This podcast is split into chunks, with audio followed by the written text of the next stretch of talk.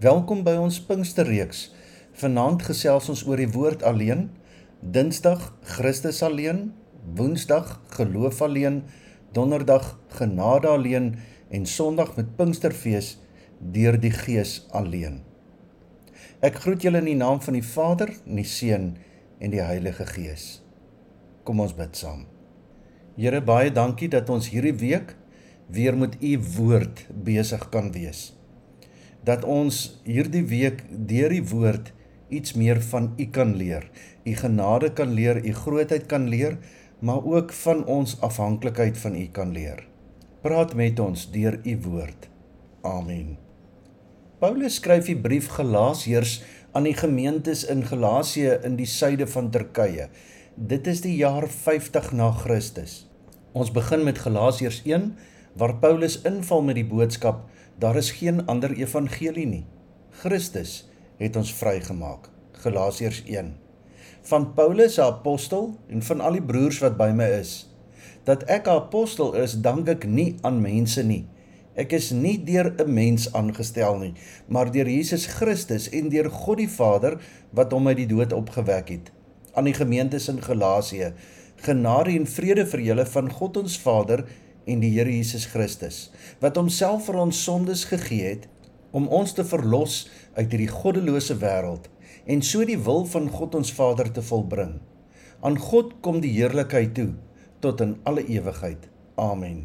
Dit verbaas my dat julle so gou van God wat julle deur die genade van Christus geroep het afvallig word en 'n ander evangelie aanneem. Daar is geen ander evangelie nie. Tog is daar mense wat die evangelie van Christus probeer verdraai en dit is hulle wat vir julle in verwarring bring. Maar al sou een van ons of selfs 'n engel uit die hemel aan julle evangelie verkondig wat in stryd is met die evangelie wat ons aan julle verkondig het, die vloek van God sal hom tref. Ons het dit al voorheen gesê en ek sê dit nou weer. As iemand aan julle 'n evangelie verkondig wat in stryd is met die evangelie wat julle ontvang het, die vloek van God sal hom tref.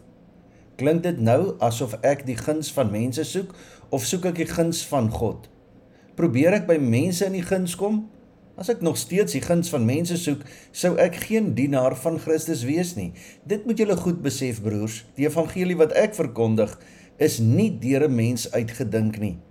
Ek het dit ook nie van 'n mens ontvang of by 'n mens geleer nie. Inteendeel, Jesus Christus het dit in 'n openbaring aan my gegee. Julle het immers gehoor van my optrede toe ek destyds nog 'n aanhanger van die Joodse leer was. Ek het die kerk van God tot die uiterste vervolg en dit probeer uitroei. En in die Joodse leer het ek onder my volksgenote bo baie van my leeftyd uitgestyg want ek was 'n fanatieke ywerraar vir die oorgelewerde leer van my voorvaders. Maar God het my al voor my geboorte vir hom afgesonder en hy het my in sy genade geroep. Toe hy in sy goedheid besluit het om sy seun aan my te openbaar sodat ek die evangelie oor hom onder die heidene nasie sou verkondig, het ek nie dadelik daarna mense geraadpleeg of Jerusalem toe gegaan na die wat voor my al apostels was nie. Nee, ek is Arabië toe. En daarvandaan het ek teruggekom Damaskus toe. Eers 3 jaar later het ek Jerusalem toe gegaan om met Sefas kennis te maak en ek het 2 weke by hom gebly. Van die ander apostels het ek niemand ontmoet nie behalwe Jakobus, die broer van die Here. Wat ek aan julle skrywe is nie leuns nie. God is my getuie. Daarna is ek na Sirië en Cilicië toe.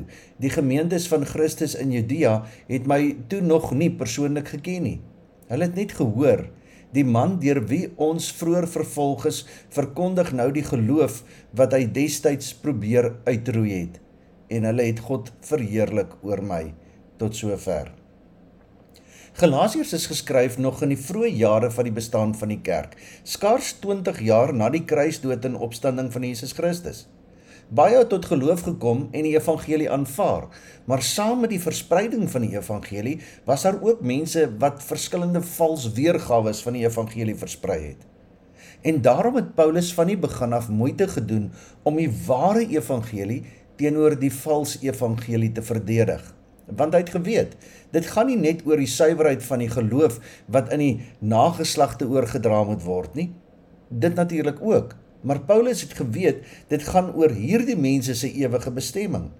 Dit is hulle verbintenis aan God wat op die spel is. Die evangelie van die Here Jesus Christus het immers mense vanuit hierdie wêreld se boosheid en donkerte kom red. Hulle ewigheid was op die spel. Voordat hy die valse evangelies aanspreek in die ware evangelie van die woord alleen, Christus alleen, geloof alleen, genade alleen en aan God alleen die eer op die tafel gaan sit, het hy eers nodig om te verduidelik wie hom die reg en gesag gegee het om dit te doen. En hy doen dit op twee maniere in hoofstuk 1. Hy verdedig die gesag van sy apostelskap en hy verdedig die gesag van die inhoud van die evangelie wat hy verkondig. Paulus verdedig die gesag van sy apostelskap of sy gestuurdheid omdat daar mense was wat beswaar gemaak het teen sy verkondiging van die evangelie. Daarom verklaar hy reg aan die begin van die brief: Ek is aangestel deur Jesus Christus en deur God die Vader. Julle moet hoor wat ek sê omdat ek aangestel is deur God self om die evangelie aan julle te verkondig. Paulus is duidelik daaroor, sy evangelie kom van God af. Laat dit insink. As jy na Paulus se brief aan die Galasiërs luister, luister jy na iemand wat die evangelie direk van die Here Jesus Christus ontvang het. Dit is waarom ons na Paulus se briewe kan luister. Dit is waarom sy brief gesag het in ons lewens. Ons hoor die woorde van Paulus as die woord van God. Dis die lewende stem van God. Trouwens, Paulus is helder daaroor dat sy roeping tot die evangelie begin voor sy geboorte. Hy's geroep vir die evangelie voor sy geboorte. God het nie gekyk na hoe sy lewe ontwikkel voor hy hom gekies het nie. God het nie gekyk na sy vermoëns wat geslyp is onder die geoefende oog van die leermeester Gamaliel die Jood en toe besluit hy sal 'n vangs vir die evangelie wees nie. Nee, God het Paulus gekies lank voor sy geboorte. Dit was God se plan dat Paulus 'n apostel sou wees. Dit was plan A. Daar was nooit 'n plan B nie. Dat Paulus 'n apostel sou word, was dus nooit Paulus se idee nie. Dit was van altyd af God se plan, maar dis nie al nie. 'n Mens kan Paulus in sy roeping tot die evangelie toets aan die skrif. Galasiërs 1 vers 15 en 16 sê: "Maar God het my al voor my geboorte vir hom afgesonder en hy het my in sy genade geroep toe hy in sy goedheid besluit het om sy seun aan my te openbaar sodat ek die evangelie oor hom onder die heidene nasies sou verkondig.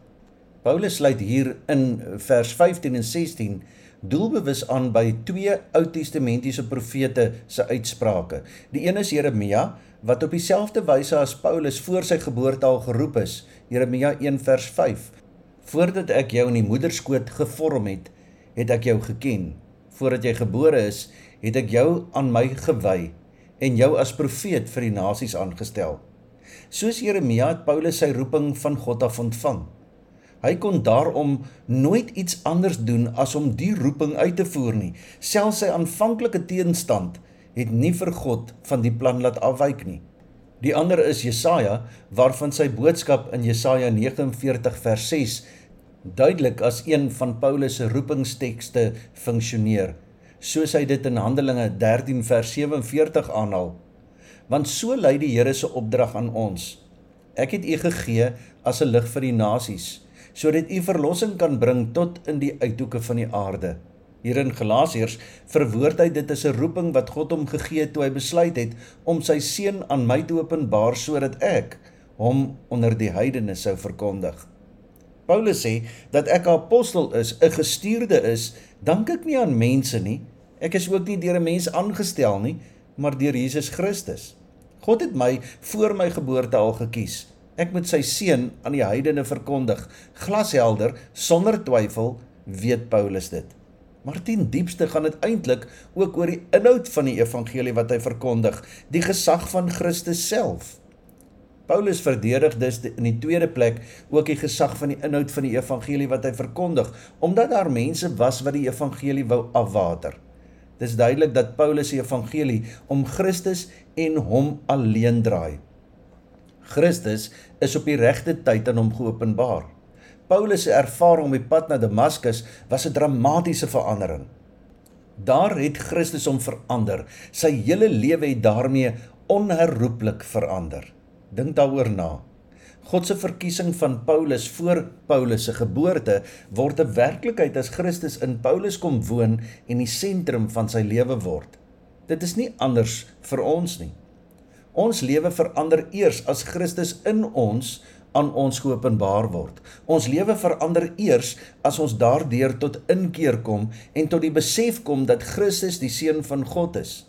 Ons lewe verander eers as ons besef Galasiërs 1 vers 4 dat hy homself ter wille van ons sonde gegee het sodat hy ons kan red van die bose volgens die wil van ons God en Vader. Die Galasiërs kon die radikale ommeswaai in Paulus se lewe sien wat gekom het nadat hy vir Jesus Christus ontmoet het op die pad na Damaskus. Almal het die storie geken en geweet dat hy van 'n vurige vervolger van die evangelie in 'n vurige volgeling van die evangelie verander het. Paulus kon dus aanspraak maak daarop dat hy met gesag met hulle kon praat. Hy kon dit doen omdat hy deur God self aangestel is en dit ook deur die kerk erken en bevestig is.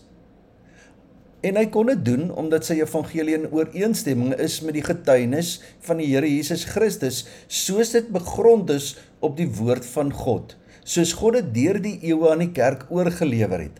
Nou hoekom is dit so belangrik? Kan 'n mens nie maar verskillende interpretasies van die evangelie toelaat, selfs al wyk dit op plekke af van die uitsprake van die skrif nie? Gaan dit nie meer oor die verdraagsaamheid van mense eerder as die suiwerheid nie? Wel oordeel self of Paulus so verdraagsaamheid van verskillende interpretasies sou geduld het as dit in stryd was met die woord. Wat sê Paulus? 'n Valse of verdraaide evangelie bring jou ewigheid in die gedrang. Paulus val direk weg met 'n regwysing. Ek is verstom dat julle so gou van hom wat julle deur die genade van Christus geroep het, wegdraai na 'n ander evangelie. Daar is nie 'n ander evangelie nie. Wat die Galasiërs moet raak sien is dat die evangelie op die spel is. Al wat die valse evangelies doen is dat dit die mense probeer verwar en die evangelie van Christus wil verdraai. Daarom, selfs as ons of 'n engel uit die hemel 'n evangelie aan julle verkondig in stryd met wat ons aan julle verkondig het, laat hom vervloek wees, sê Paulus. So iemand, iemand wat so evangelie verkondig, sê Paulus, speel met die evangelie, speel met mense se lewens, verwar en verduister die enigste ware evangelie. Daar's net een woord wat vir so iemand kan geld. Laat hom vervloek wees. Die rede vir hierdie waarskuwing is dat 'n ander evangelie jou ewigheid in die gedrang kan bring. Die vloek wat Christus vir ons aan die kruis verwyder het, sê Paulus, by wyse van Spreuke, moet rus op die wat die evangelie verander en verwerp. Hoekom? Want die hele doel van die evangelie is om jou uit die bose bedeling te red. Christus het ons kom vrymaak, niks of niemand anders nie. En elkeen van die volgende 5 hoofstukke in die brief aan die Galasiërs brei dan uit oor die verskillende vals evangelies. Evangelies wat jou nie vrymaak van jou sondige denkpatrone nie. Wat jou nie vrymaak van jou sondige praktyke nie. Wat jou eerder op jou eie vermoëns laat staatmaak as op God. Wat jou keer om te leef uit die beloftes van die skrif. Wat jou aanmoedig om die genade te misbruik om sonde te doen. Wat jou eerder laat leef vir jouself en vir jou eie behoeftes as vir God en jou medegelowiges in. Want as jy onderskeid maak tussen gelowiges en dit goed praat, dan het jy met 'n ander evangelie te make. Dis die beginsel van Christus alleen wat in gedrang kom. As jy vertrou op die wet eerder as op God, byvoorbeeld gebruike en tradisies asof jy nie alleen deur die geloof gered word nie en dit goed praat, dan het jy met 'n ander evangelie te make. Die beginsel van deur die geloof alleen kom dan in gedrang. As jy in 'n nuwe wettiese leefstyl verval van jy moet eers self dit of dat doen voordat jy gered kan wees, dit is vals want dit verkondig dat Jesus nie alles volbring het nie.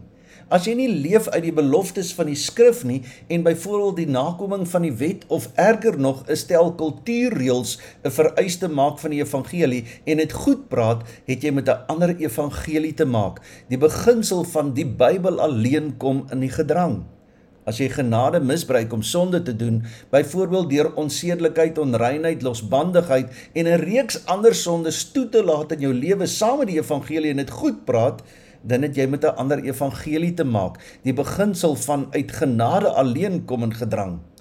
As jy vir jouself leef eerder as vir God, jouself afskei van ander in veroordeling eerder as om hulle laste te dra en boonop self sonde te doen, dan het jy met 'n ander evangelie te maak. Dit bring die beginsel van aan God alleen die eer in gedrang. Daar's geen ander evangelie nie. Enige ander evangelie bring jou ewigheid in gedrang, want daar is net verlossing in Christus beskikbaar. Daar's geen ander evangelie nie. Christus het ons vrygemaak, Christus alleen. Daarom moet ons onsself oorgee aan God. Here baie dankie dat U U woord vir ons gegee het. Dat U so duidelik die evangelie vir ons kom uitstippel het dat ons net gered kan word as ons in U glo. Wie die Seun het, het die lewe. Wie nie die Seun van God het nie, het ook nie die lewe nie. Here help ons om dit altyd so te glo en so uit te leef dat ons kan weet daar is geen ander evangelie nie. Help ons Here dat ons met u woord sal besig wees en net wat in die woord staan. Niks anders nie. Niks anders bybring nie, net wat daar staan. Niks wat ek doen, niks wat ek sê kan my red nie. Here, net u alleen. Amen. Die Here sal julle seën en julle beskerm. Die Here sal tot julle redding verskyn en julle genadig wees. Die Here sal julle gebede verhoor en aan julle vrede gee. Amen.